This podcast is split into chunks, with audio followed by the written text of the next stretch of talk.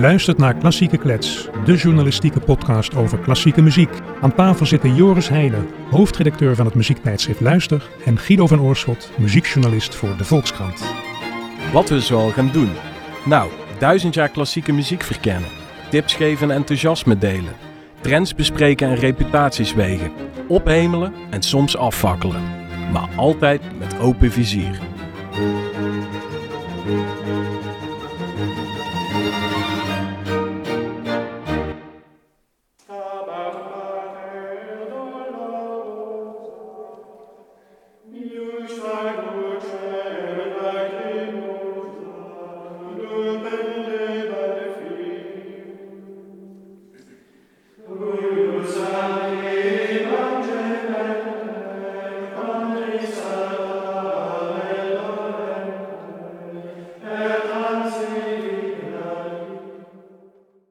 En zo beginnen wij een nieuwe aflevering van Klassieke Klets. Volgens mij, Joris, alweer de zeventiende.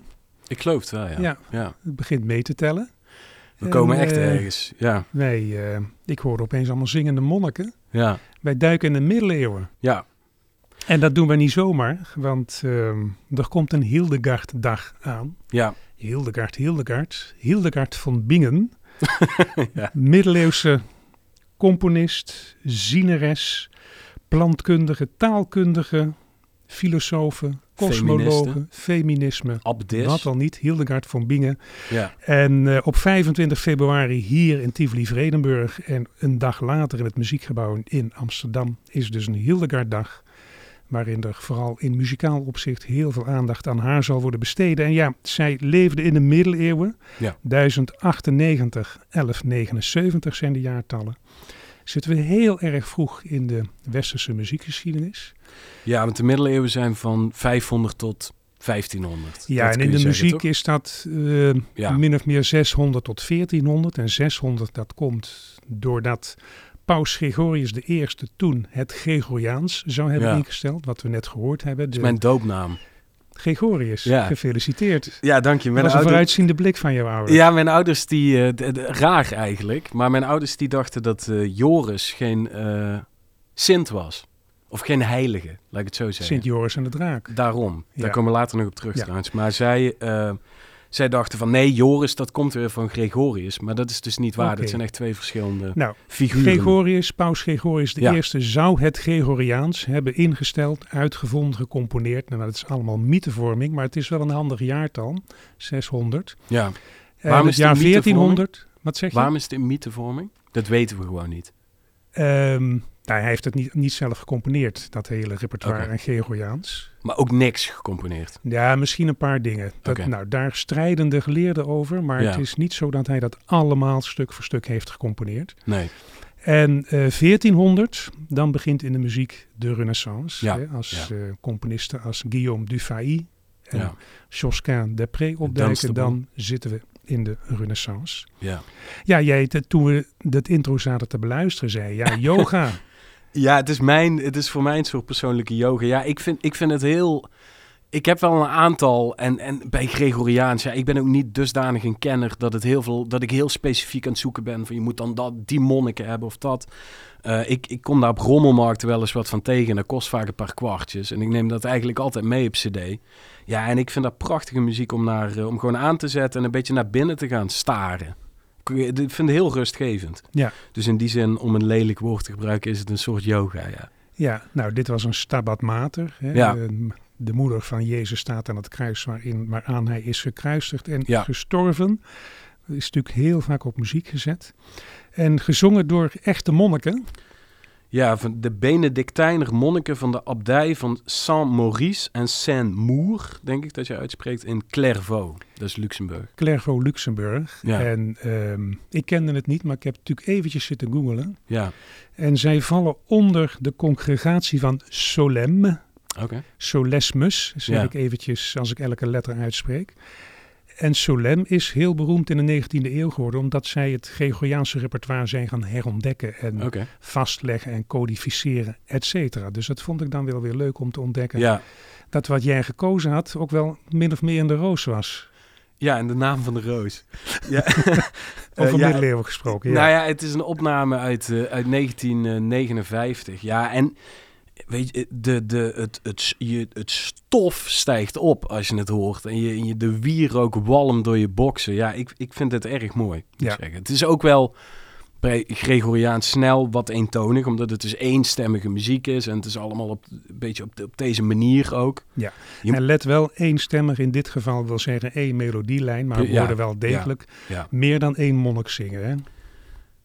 Ja, nee, precies. Maar één lijn. Ze zingen ja, één lijn. één melodie. Eén melodie. Ja. ja. Nou ja, Gregoriaans is echt de bakermat van de westerse muziek. Van Ja. alle, Ja, alles komt eruit voort. alles komt eruit voort en dit begint zo. En dat wordt dan van eenstemmig raakt het tweestemmig in de loop van de middeleeuwen. En ook driestemmig en hier en daar misschien zelfs vierstemmig, Ja. allemaal tegelijk. Heel kunstig. De, de ritmes werden complexer, de toonsafstanden werden groter. Ja. En eh, ja, voordat je het weet zit je, zit je bij Bach, eeuwen later. Maar alles is hierop terug te voeren. Draai jij dit ooit thuis? Nee. Heb je Nee. er iets mee? Nou, ik heb ooit tijdens mijn studie gezongen in het Utrechts Studenten Gregoriaans Koor. Ik geloof dat het inmiddels is overgegaan in een ander koor. Eh, dat was destijds onder Jan Bogaerts, die alles wist Oh van ja, Gregoriaans. Hoe hè, de nuimen, de nootjes, hoe die werden Ja. genoteerd en opgeschreven, wat het dan betekende. En Maar jij kan dus mooi zingen. nee, ik kan zingen, maar mooi heb je mij niet horen zeggen. Oké.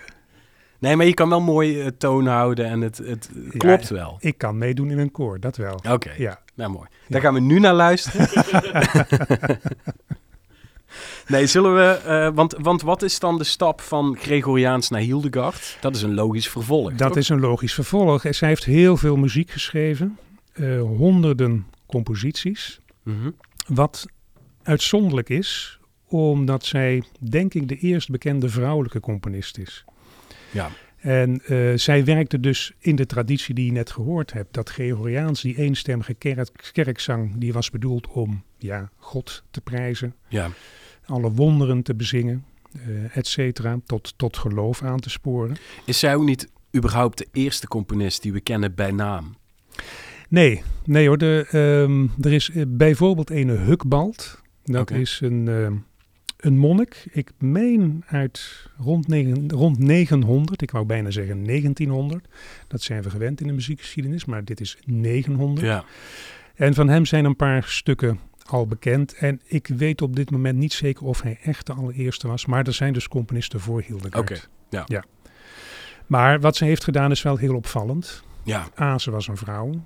Eh, B, haar muziek ehm, wijkt in zoverre weer wel af van het Gregoriaans. Dat bijvoorbeeld de omvang is enorm groot. Ja. De stemomvang. Ja. De sprongen tussen intervallen, tussen de, de toonsafstanden, zijn ook groter dan, dan je in het Gregoriaans tegenkomt. Dus er heeft in haar toch wel iets gezeten van de dingen anders willen doen. En op haar eigen Zeker. manier willen Ja, doen. heel eigenzinnig Ja. en, en vooruitstrevend en een eigen gereid figuur. Maar denk jij, nogmaals, eh, dit, dit is niet per se mijn kennisgebied, maar eh, is, is dat haar touch of genius geweest? Dat zij heeft gedacht, nee, we gaan dit gewoon helemaal anders doen? Of zit zij ook weer heel duidelijk in een traditie? Het- ik denk dat het allebei waar is. Ja. Ehm, ze leefde bijna duizend jaar geleden, dus wij kunnen ons eigenlijk al geen voorstelling maken van, van die Nee. tijd. Dat, eh, dat was zo anders. Steden bestonden nog niet, Ja, eh, universiteiten bestonden nog niet, kloosters waren echt het centrum van, van het intellectuele leven, Ja. van de kunst. en wetenschap. Ehm, ik heb ook de indruk dat het een tijd was waarin vrouwen het misschien makkelijker hadden dan ze het later in de muziekgeschiedenis hebben gekregen. Hè, we, we kennen Ja. Hildegard von Bingen, maar de eerste vrouw daarna, wie is dat? Ja, dat durf ik niet zeggen. Barbara Strozzi. Nou, daar zitten we in de 17e eeuw. Ja. Dus een, Maar, maar kijk, wat, wat er ook mee te maken heeft, en, en daar komen we in, eh, later in de podcast ook nog wel een keer op terug, denk ik. Maar zij kwam wel uit een adellijk gezin. Het was wel een, een, eh, een vooraanstaande tante. ja, ze was van goede kom af. Ja, Ze is als meisje in een, eh, in een klooster geplaatst. Ja. in afzondering samen met enkele andere nonnen, geloof ik. En later heeft ze zelf een, een klooster gesticht Ja. eh, voor ja, nonnen, eh, vrouwelijke spirituelen. In Bingen am Rijn, vandaar ook haar Ja. naam. Want Ja, eh, Hildegard von Bingen. Ja, en ze noemen haar ook wel weer de Sibylle van de Rijn. Hè. Ja. Zij was ook een zieneres, een, een profetes. Iemand die visioenen had, die Ja. misschien iets zeiden over de toekomst of over het geloof. de katholiek, katholieke Klazien Utzalk noemen ze haar ook overigens. Of Klazien Utzalk, dat moet je toch voor de jongere luisteraars even ja, dat is uitleggen, een, kru- Joris. een kruidenvrouwtje, toch? Die Dat toen ik het- jong het- was, was dat een, een kruidenvrouwtje Op- waar ik altijd tv. heel hard om moest lachen. Ja. Ja. Nou ja, de, de, de- jij begint erover, maar Hildegard von Bingen is natuurlijk een ideaal canvas voor iedereen nu om iets op te projecteren. Ja, Zij zij was, was- zo veelzijdig. ja, en, en toch ook een natuurgenezeres. Ja, en dat, dat, dat, daar hint je op met Klazien uit Salk. Ja. De, de, de hele spirituele beweging eh, heeft Hildegard ook omarmd. Ja. Hè? Mede om deze reden. Nou ja, en wat ik, wat, waar ik echt van stond te kijken, ehm, is dat zij al, al boeken, natuur, eh natuurgeneeskundeboeken heeft geschreven, waarin ze het al heeft over hoe je een abortus moet opwekken. Ja. En, en hoe het vrouwelijk orgasme voelt. Je, je hebt je weer goed ingelezen, Ja, dat zijn interessante dingen. Maar Ja. ehm, dat is voor die tijd, is dat toch heel bijzonder. Ja. Volgens mij was zij echt wel een heel erg... En, en dat merk je ook als je meer over haar leest. Ook wel dat mannen die in die tijd de macht hadden... ook wel tegen haar opkeken. Of niet helemaal wisten wat ze met haar aan moesten. Laat ik het zo zeggen. Ze liet zich, eh, ze schrok niet terug voor gepeperde brieven. Nee, Eh, aan niet- pauze en weet Ja. ik veel wat. Ja. Kerkvorsten, pausen, dat deed ze allemaal. En ze, en ze kwam eh, op voor zichzelf en haar, en haar zusters, zeg ik Ja. maar even. Ja. Van de andere kant, ehm, ik heb ook wat verder zitten grazen. Haar visie op seksualiteit bijvoorbeeld is wel heel erg in de masculine traditie. Hè? Dat de man het initiatief neemt en eh, toestoot, zou ik bijna zeggen, dat de vrouw ontvangt. Ja, ja. Ehm, dus het is niet zo dat zij eh, ook in dat opzicht al een, een millennium op de dingen vooruit liep. Nee, ze nee, was nee, natuurlijk ook een kind van de tijd. ja. En eh, qua natuurgenezing, ze beveelt geloof ik ook ergens aan om een vleermuis om een, op een wond te binden. ja. Ja, Doe jij dat nooit? na één keer wist ik dit, dit helft niet. dit, dit doe je één keer en dan nooit meer. Hildegard, dit heb je fout gezien. Ja. Ja. Maar in haar hele oeuvre en ook in haar geloofsbeleidenis staat ook... eh, want het was grappig dat we net begonnen met Stabat Mater natuurlijk. Maria bij het, bij het kruis eh, van haar zoon. Ehm, in haar geloofsbeleidenis van Hildegard stond Maria ook centraal. Ja. Van, van het, het overgrote deel van haar oeuvre eh, is gewijd aan Maria. Ja, maar dat geldt, dat geldt eigenlijk voor de hele middeleeuwse katholieke kerk, denk ik. Ja. Dat daar een hele sterke Maria-verering en Maria-devotie. En Maar ik kan niet beoordelen of dat bij Hildegard nog sterker was dan gebruikelijk toen in de kerk. Nee, dat kan ik ook niet. Maar ze, heeft, ze heeft er in ieder geval eh, bovengemiddeld veel Ja. stukken aan gewijd. Nou ja, En- en je kunt je voorstellen dat zij eh, door feministen is omarmd, hè? Eh, Ja. Nou, en, en wat ik, wat, wat, dat gevoel krijg je ook bij, bij haar. En dat is als je die muziek luistert. En daar, daar gaan we zo natuurlijk uitgebreid eh, op in, want dat is het hele idee van deze podcast. Maar ook als je leest over haar, zij, was echt een soort vehikel voor God. Van, ze noemde zichzelf een, een veer op de adem van God. Wat ook de titel is van een hele beroemde cd. eh, prachtig beeldspraak. Ja, Feather on the Breath of God. Een Dus- van de vroegste Hildegard-cd's. Ja, een eh, hele mooie ook ja. wel. Braaf, maar wel heel mooi. Met wie ook weer? Emma Kirkby? Ja, de zingende ijskast. Ja, zo noemen ze haar. Ik heb het niet bedacht. De zingende engel, zeg ik dan maar. De zingende engel. Ja. Maar zingen als een soort van zuivering van de ziel en, en om dichter bij God te komen, dat is wel echt het beeld wat je van haar krijgt. En daarmee, om naar de muziek toe te werken, klinkt alles ook ontzettend angeliek en, en engelachtig Ja. en braaf. En daar, dan raak je meteen aan het probleem dat ik wel eens heb als ik eh Gregoriaans hoor of, of middeleeuwse muziek of, of Hildegard. Ik kan me niet voorstellen dat het destijds zo geklonken heeft. Zo vaak, maar die met, monniken toch wel. vaak met een conservatoriumstem. Ja, Vaak, ehm, ja, hoe zeg ik dat, een beetje uitgestreken. Nou ja, je zei het, engelachtig. ja. Nou heb ik een stukje Hildegard zang gevonden wat daar toch wel deels van afwijkt. Ehm, o Vos Angeli, dat is een lofzang op de engelen die Potjandori in de omgeving van de schepper heel de dag mogen vertoeven. Daar kun je jaloers op zijn. En dat wordt gezongen, Ja, daar kun je jaloers op zijn. Ja. dat, ja, Ja. dat wordt gezongen door een, eh, een Finse zangeres, Annelina Koskinen. En eh, die doet dat op haar eigen manier. En er speelt ook een instrument mee. En ik denk dat dat een draailier is. Heb je haar gegoogeld? Ze kwam ergens voorbij. Ja, want, eh, maar ze is, ze is ook bekend onder de naam Annelina eh Riff. Dus misschien dat ze getrouwd is of zo, zoiets. Kan. En ze is multi-instrumentalist ook, want ze speelt allerlei middeleeuwse snareninstrumenten. En ze staat heel vaak op een foto met een cowboyhoed en een basgitaar, waar ik dan ook weer heel erg om moest lachen. Wat jou als Americana-fan enorm aan moet ja, spreken. absoluut. Nou, Cowgirl. Joris, ik kan niet wachten. We gaan luisteren. Ja, we gaan zeker luisteren.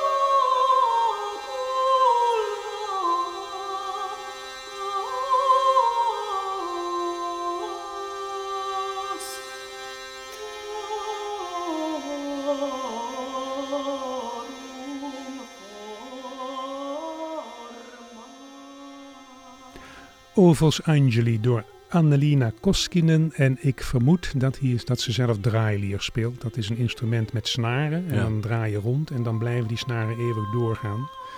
En eh, dat is een bourdon, hè, die, Ja, die begeleiding die daaronder ligt. En die amper verandert. Ja, ehm, klinkt dit engelachtig? dit is niet de cliché Hildegard Nee. die je normaal hoort. Wat inderdaad echt die, eh, die hele hoge stemmen zijn. En dat, en dat ja, wat ik al zei, dat, dat engelachtige. En wat vaak eh, nogal eh, langdradig wordt en gaat vervelen, vind ik. Ja, en de andere mensen vinden dat juist weer yoga voor de geest.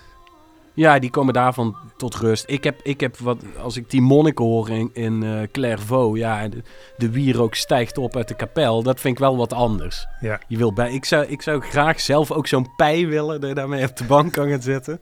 Als een soort huispak. Ja, Er zijn nog steeds kloosters die novicen binnenlaten hoor. Dus ja, eh, ja het ja. kan nog, ja. kunt je kansen altijd nog grijpen. Als mijn relatie nu mislukt, ga ik dat doen. Ja, Genoteerd. ja hou me eraan. Maar eventjes naar de Hildegarddag. Ja, Ehm, daar gebeurt van alles. Er wordt natuurlijk gezongen, er is een scratch, dan kun je meezingen, er wordt een film vertoond. eh, maar er zingt ook Ars Choralis Köln. ja, En die hebben het, eh, het belangrijkste werk van Hildegard opgenomen. Dat is een soort mysteriespel, middeleeuws toneelspel. Ordo Virtutum, de orde der deugden. ja. En ik meen dat daar oorspronkelijk maar één mannenstem in voorkomt. En dat is de duivel. Nee, volgens mij ja, maar de duivel zingt niet. Nee. Volgens mij is het hele idee van je, de, de deugden worden dan eh, gesymboliseerd door een vrouwenkoor. Of uitgevoerd door een Ja. vrouwenkoor. Ehm, en de duivel spreekt alleen en zingt niet. Dus, wat, en dat stond Maar het is, het is wel een mannenstem. Ja, dat, Ja. dat lijkt me logisch. En, maar wat Hildegard daar dus mee bedoelt, is van het kwaad staat gelijk aan een soort muziekloosheid. En nogmaals, muziek is je middel om tot God te komen. Nou, dat Ars Choralis Köln heeft dat eh, centrale werk dus opgenomen. En Kende jij dat gezelschap? nee, nee helemaal nieuw voor mij. Ja, het is wel goed. En ik heb die cd even opgezocht en dat is dan wel weer grappig. Want vaak wordt Hildegard wel heel serieus benaderd en ehm, hoor je de verering eraan af. Maar wat zij nou doen is eigenlijk beginnen met een gezongen improvisatie voordat ze dat eh, mysteriespel gaan Leuk. uitvoeren. Ja. En laten we daar even naar luisteren, naar die improvisatie in Hildegard-stijl.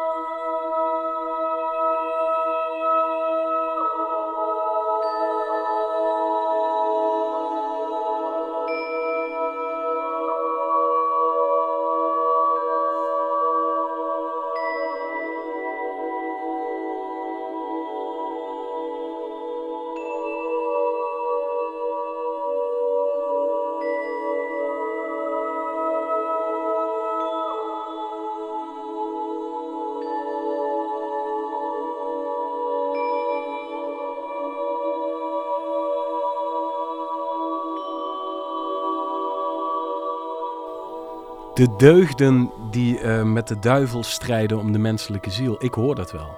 Hoor je dat hier al in? Ja? Ja, het, het, het, heeft, wel, het, het heeft wel iets heel esoterisch Ja. ook. En dat, je, en dat is ook meteen wat ik er een klein beetje op tegen heb. Ehm, ja, dit, dit, hier, hierbij kun je heel lekker in slaap vallen. En Ja. dan moet jij maar uitvogelen of ik dat als compliment Ja. bedoel of niet. Nee, maar dat weet ik wel. Nou ja, ik denk als je dit ehm, in een goede ruimte hoort, kerk, klooster, goede Ja, concertzaal, en dat dat spannend is. ze staan rondom je, Ja, dan vind ik het wel interessant genoeg om niet in slaap te vallen. Want je weet niet wat er gaat gebeuren. Het is een improvisatie. ja.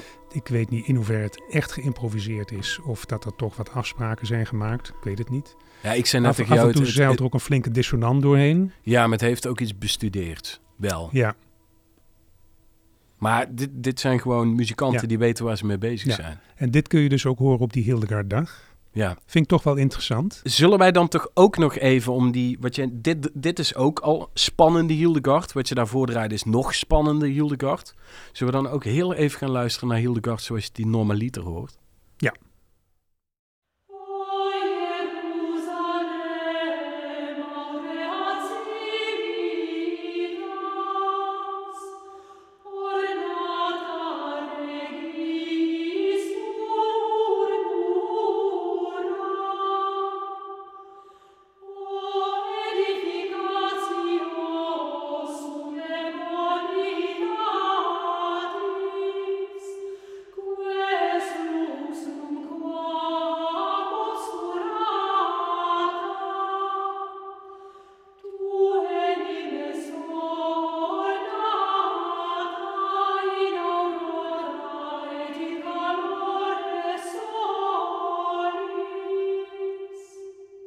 Een stukje zoals jij het minder mooi vindt, Joris. Dit was het eh, Tiburtina Ensemble.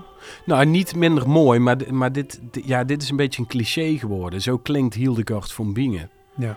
En eh, trek maar alle cd's uit de kast die je hebt, luisteraar, en ga maar draaien. Het klinkt zo. En eh, dat is mooi, maar ik moet hier niet een uur naar gaan luisteren. Nou, als je hier wel van houdt, dan moet je toch weer naar die, naar die, naar die Hildegard-dag. Want daarin, daar zingt het Tiburtina Ensemble ook. Ja, het is overigens wel ontzettend goed gedaan. Ja. Zo ben ik dan ook alweer. Trouwens, een prachtig gezelschap ook. Compleet gespecialiseerd in Gregoriaanse middeleeuwse polyfonie. Dat is wel heel bijzonder. Komen uit Praag. hey, zullen we doorgaan? We hebben Hildegard wel een beetje gehad, denk ik. Verder in de middeleeuwen. Zullen wij het gaan hebben over eh, Alfons X van Castilië? De wijze, El Sabio. De koning. Dat is nogal een bijnaam. Ja, en dan zitten we rond 1221, 1284. 13e exact. eeuw. Ja. Ja, En ja, het was een beetje een tragische koning, want het, het verliep allemaal niet helemaal soepel wat hij wilde. Maar het was wel een enorme cultuurfreak. En iemand die zich enorm liet omringen, ook door geleerden, astronomen, dichters, eh, zelf ook dichten. Eh, zich eigenlijk meer daarop focuste en daarmee bezig was. En hij is vooral bekend van zijn liederen van de Heilige Maria, Cantigua's, noemen ze dat. Het zijn er 427 om precies te zijn, eenstemmige liederen in het eh Galicisch-Portugees onder instrumentale begeleiding. kijk. Eh, en ze worden altijd, wordt er gezegd dat hij die heeft geschreven, maar daar zijn de geleerden toch niet helemaal over Net als bij de paus Gregorius. Waarschijnlijk heeft hij ze verzameld. Zullen wij meteen een stukje gaan luisteren? Ja.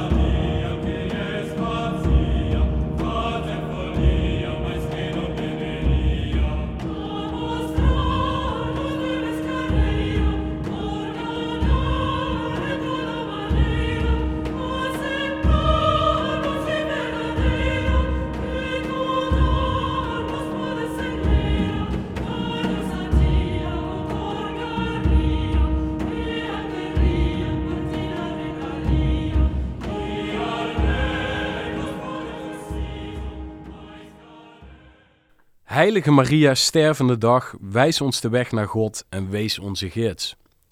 Santa Maria Strelia Dodia van eh, El Sabio. De wijze. Ja, Ja, de term filmmuziek viel hier.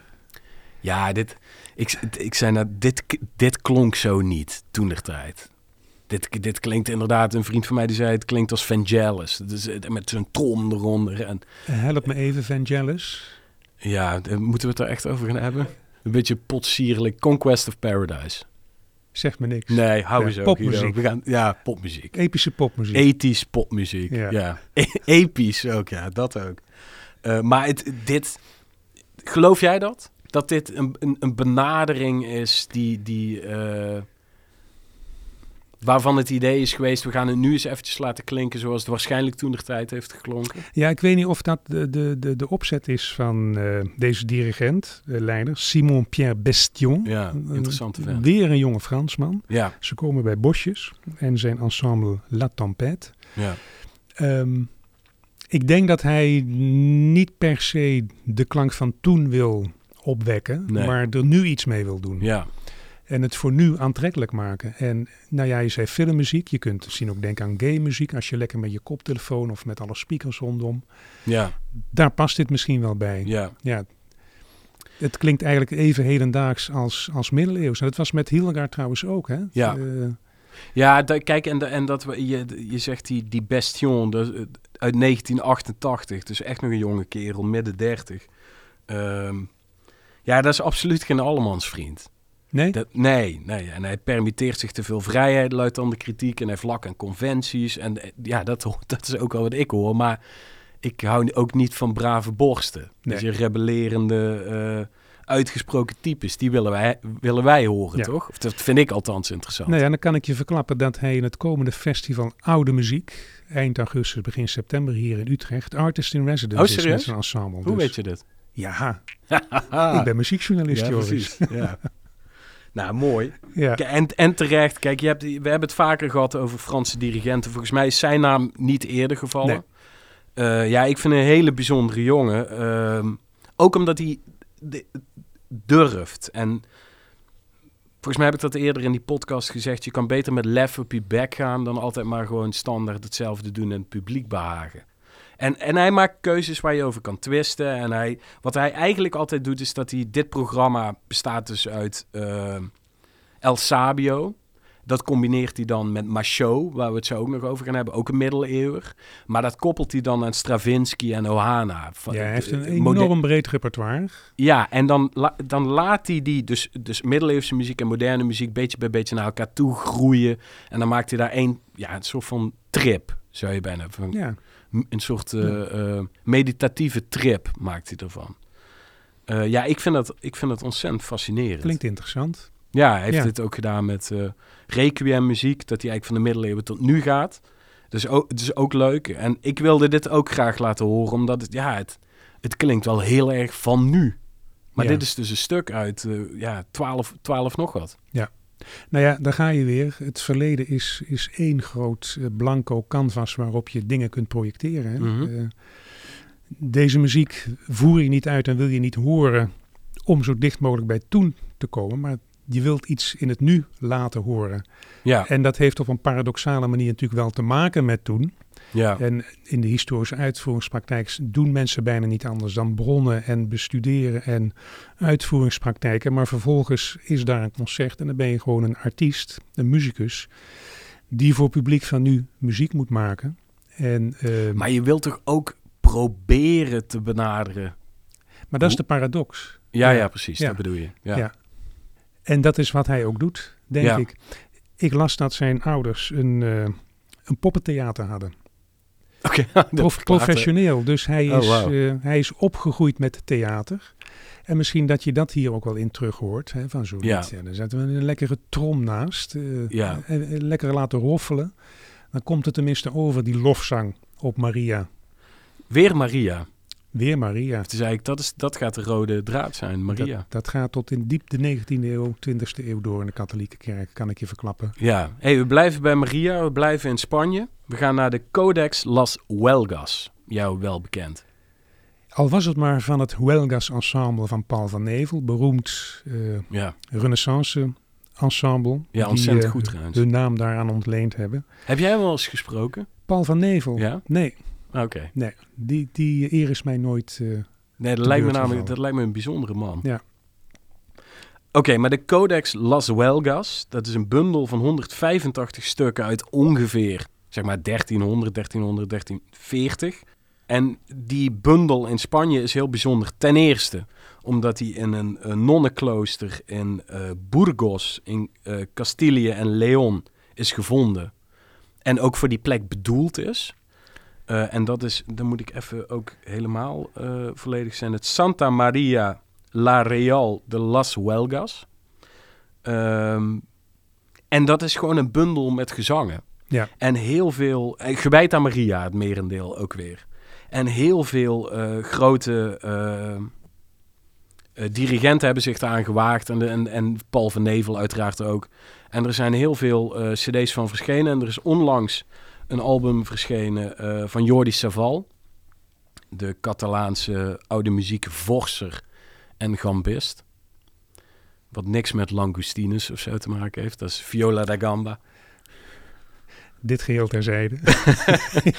En hij heeft Nou ja. met zijn al- album La Capella Real de la Catalunya en Esperion 21, 21, ik heb mijn research al gedaan, eh, heeft hij een selectie gemaakt uit die codex. En dat is wel heel interessant, met stukken waarin dierlijke en goddelijke symboliek samenkomen. Je hebt natuurlijk in, in het Oude Testament en Nieuwe Testament heel veel eh, allegorieën en metaforen van, van dieren die aan het goddelijke worden gekoppeld. En, en dat is interessant. Hij is, in, hij is in die codex gaan graven, dus in dat manuscript. En hij heeft daar een aantal stukken uitgepakt die gelinkt zijn aan. En heeft hij een soort bestiarium van gemaakt. Ja, en dat, Een wat is dat, zijn ook fabeldieren en zo, toch? Ja, maar ook in de Bijbel. Hè, eh, elke evangelist had zijn eigen teken, en, eh, of dier vaak. Ja, Eh, en pin me er niet op vast, de leeuw was voor Matthäus. Ik weet het niet helemaal meer, maar oh, dat zo in ieder geval dat soort symboliek was, was heel normaal Ja. in die tijd. Nou, de draak is in ieder geval voor mij, voor Sint Joris. Ja. Dus die heb ik gekozen om even naar te gaan luisteren.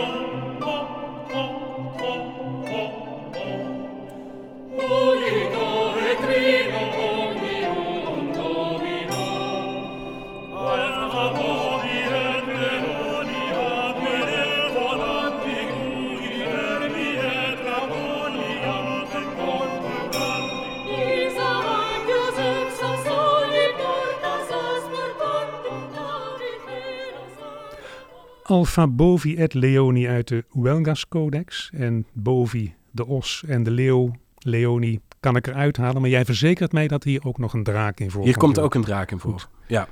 En, Ja.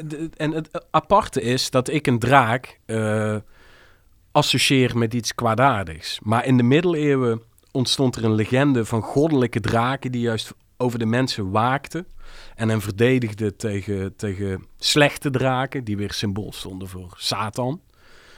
En eh, vaak verloren ook de, de goede draken en die lieten dan bloed. En dat bloed stond dan weer symbool voor het bloed van Christus, voor onze zonde. En ja, je, je snapt wat ik bedoel. Nu snap ik het. Ja. Ehm, en ik, ja goed, eh, ik ben het aan mijn naam eh, verplicht om, om dit dan te kiezen. Het is overigens niet het mooiste stuk. Het is wel het, een mooi stuk, maar het is een interessant album om een keer te beluisteren. En dit is een driestemmig motet uit die tijd al. Ja. Dus toen waren ze al aan het... Ja. En Ars Nova, Ja. toen waren ze al aan het experimenteren. Het ging van 1 naar 2 naar 3 en nog verder. Ja, En ehm, als we dan nog heel kort doorschieten in de tijd, eh, richting de 14e eeuw, dan komen we bij eigenlijk de laatste grote middeleeuwse componist, Ja. Guillaume de Machaut. Ja.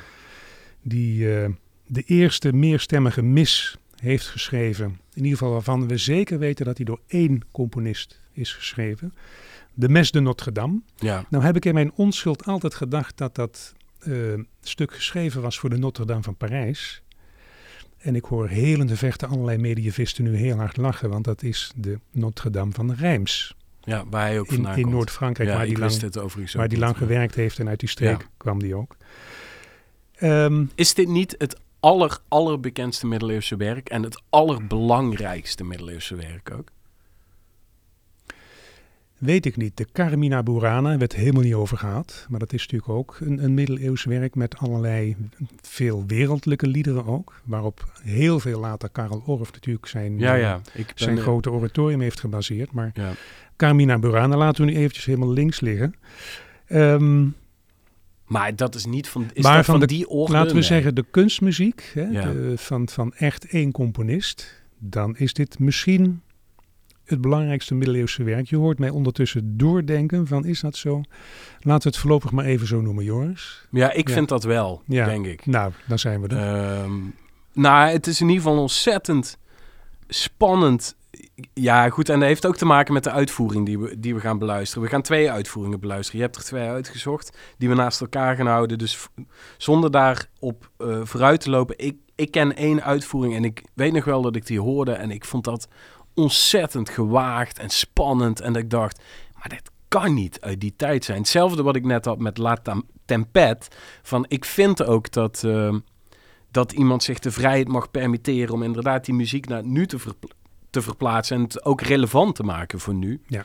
Eh, ja, en die Macho, ja, dat is ook wel een fascinerende vent in die zin dat hij dichter, diplomaat, kanunnik, componist, eh, ook zo, het zijn allemaal van die alleskunners in die tijd. Ja, Iedereen kon alles. lijkt het. Ja, Ja. wat, Maar wat doen wij nou helemaal? ja, maar goed, we hebben het te maken met de beste van de beste uit die tijd. Mhm. Meer zeg ik niet, Joris. We gaan luisteren naar twee heel verschillende uitvoeringen van eh het Gloria uit de Mes de Notre Dame van Guillaume de Machaut. Gloria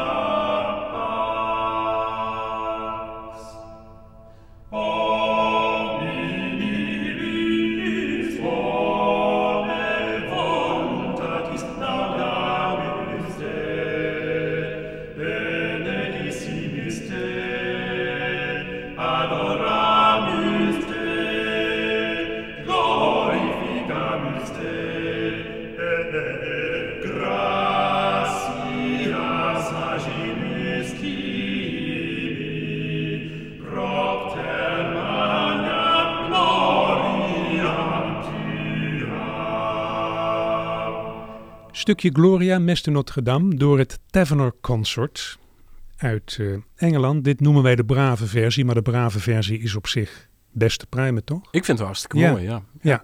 Maar laten we dan nu eventjes de wat... eh, Ja, ik weet wat jij in petto hebt.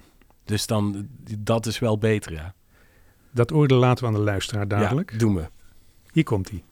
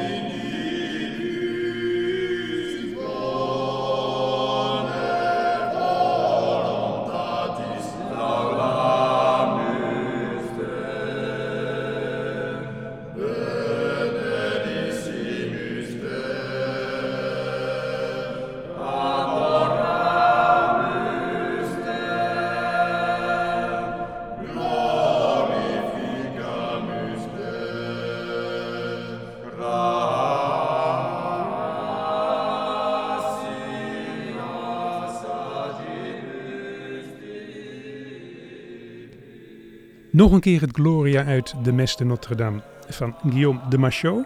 Ja. Wat hebben wij nu gehoord, Joris?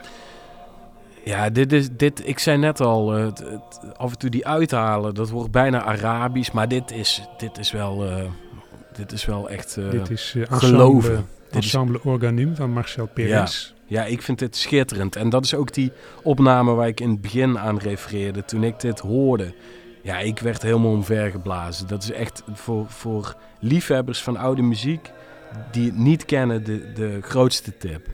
Zij benaderen dat niet vanuit, laat ik even zeggen, de conservatorium of de academische traditie Nee. van het zingen en van het middeleeuwse repertoire. Maar ze hebben zich georiënteerd op wat nu nog rondom de Mediterranee, hè, hoe de volkszang Ja. daar klinkt. Ja, precies. En in overweging genomen dat er destijds eh, Arabische invloeden waren ook, tot diep in Europa.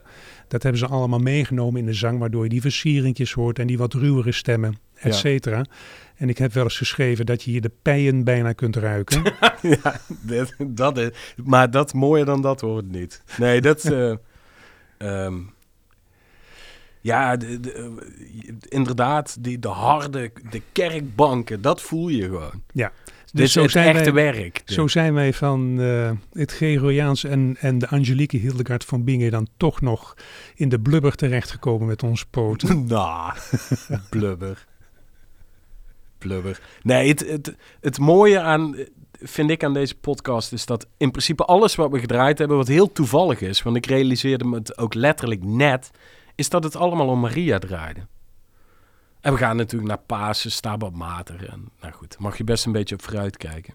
Maria-verering was eh, centraal in, eh, Middeleeuwen. in, ja, maar ook in de katholieke kerk gebleven. Het Ja. huis waar ik ben geboren in Brabant had nog een ingemetseld beeldje van Maria met kindje Jezus Ja. Ja. Nou, en daarom ben je ook zo'n vrome meneer geworden. ontdekt. Ja. ja. hey, wij gaan richting het einde. Ja. Eh, vergeet, als je dit allemaal mooi vindt, luisteraar, niet naar een Hildegard-dag te gaan in Tivoli-Vredenburg of in het muziekgebouw. En er gaat nog wat meer Hildegard gezongen worden, namelijk door en uit onverwachte hoek Barbara Ja. Hannigan, Canadese sopraan die altijd in de hedendaagse muziek zit, ook is gaan dirigeren, maar die heeft een projectje gemaakt rondom Hildegard. Barbara Strozzi, haar naam viel in het begin van ja, deze. maar ook Bryce Dessner. Ook Bryce Dessner, daar staan weer Een een hedendaagse jongen. Uit de, hij zit ook in de National. Ja, dat klopt hè? Dus Ja. dat, klinkt, dat klinkt allemaal erg interessant. Hildegard in Nou die ja, ik, context. ik, zei, eind- ik zei nog tegen jou van, oh, ik hou mijn hart vast. En toen zei jij tegen mij, wat zei je toen tegen mij? dat weet ik niet meer. Dat ik de, de toverkracht van eh Hannigan onderschatte. Oh ja, jij dacht dat, eh, nou, daar hoef ik niet naartoe. Barbara Hannigan die Hildegard zingt, dat wordt van Nou, een- ik vind dat wel, op papier vind ik dat een linker combi. Ja, ik laat me graag verrassen. Ja. Eind maart, zaterdag matinee. Wat gaan we de volgende keer doen? Weten, Weten we nog niet. Tips en ideeën zijn altijd welkom. Eh, de hand van Guido at gmail.com. Nu gaan we eruit. Tot Ja. de volgende keer. Hoi!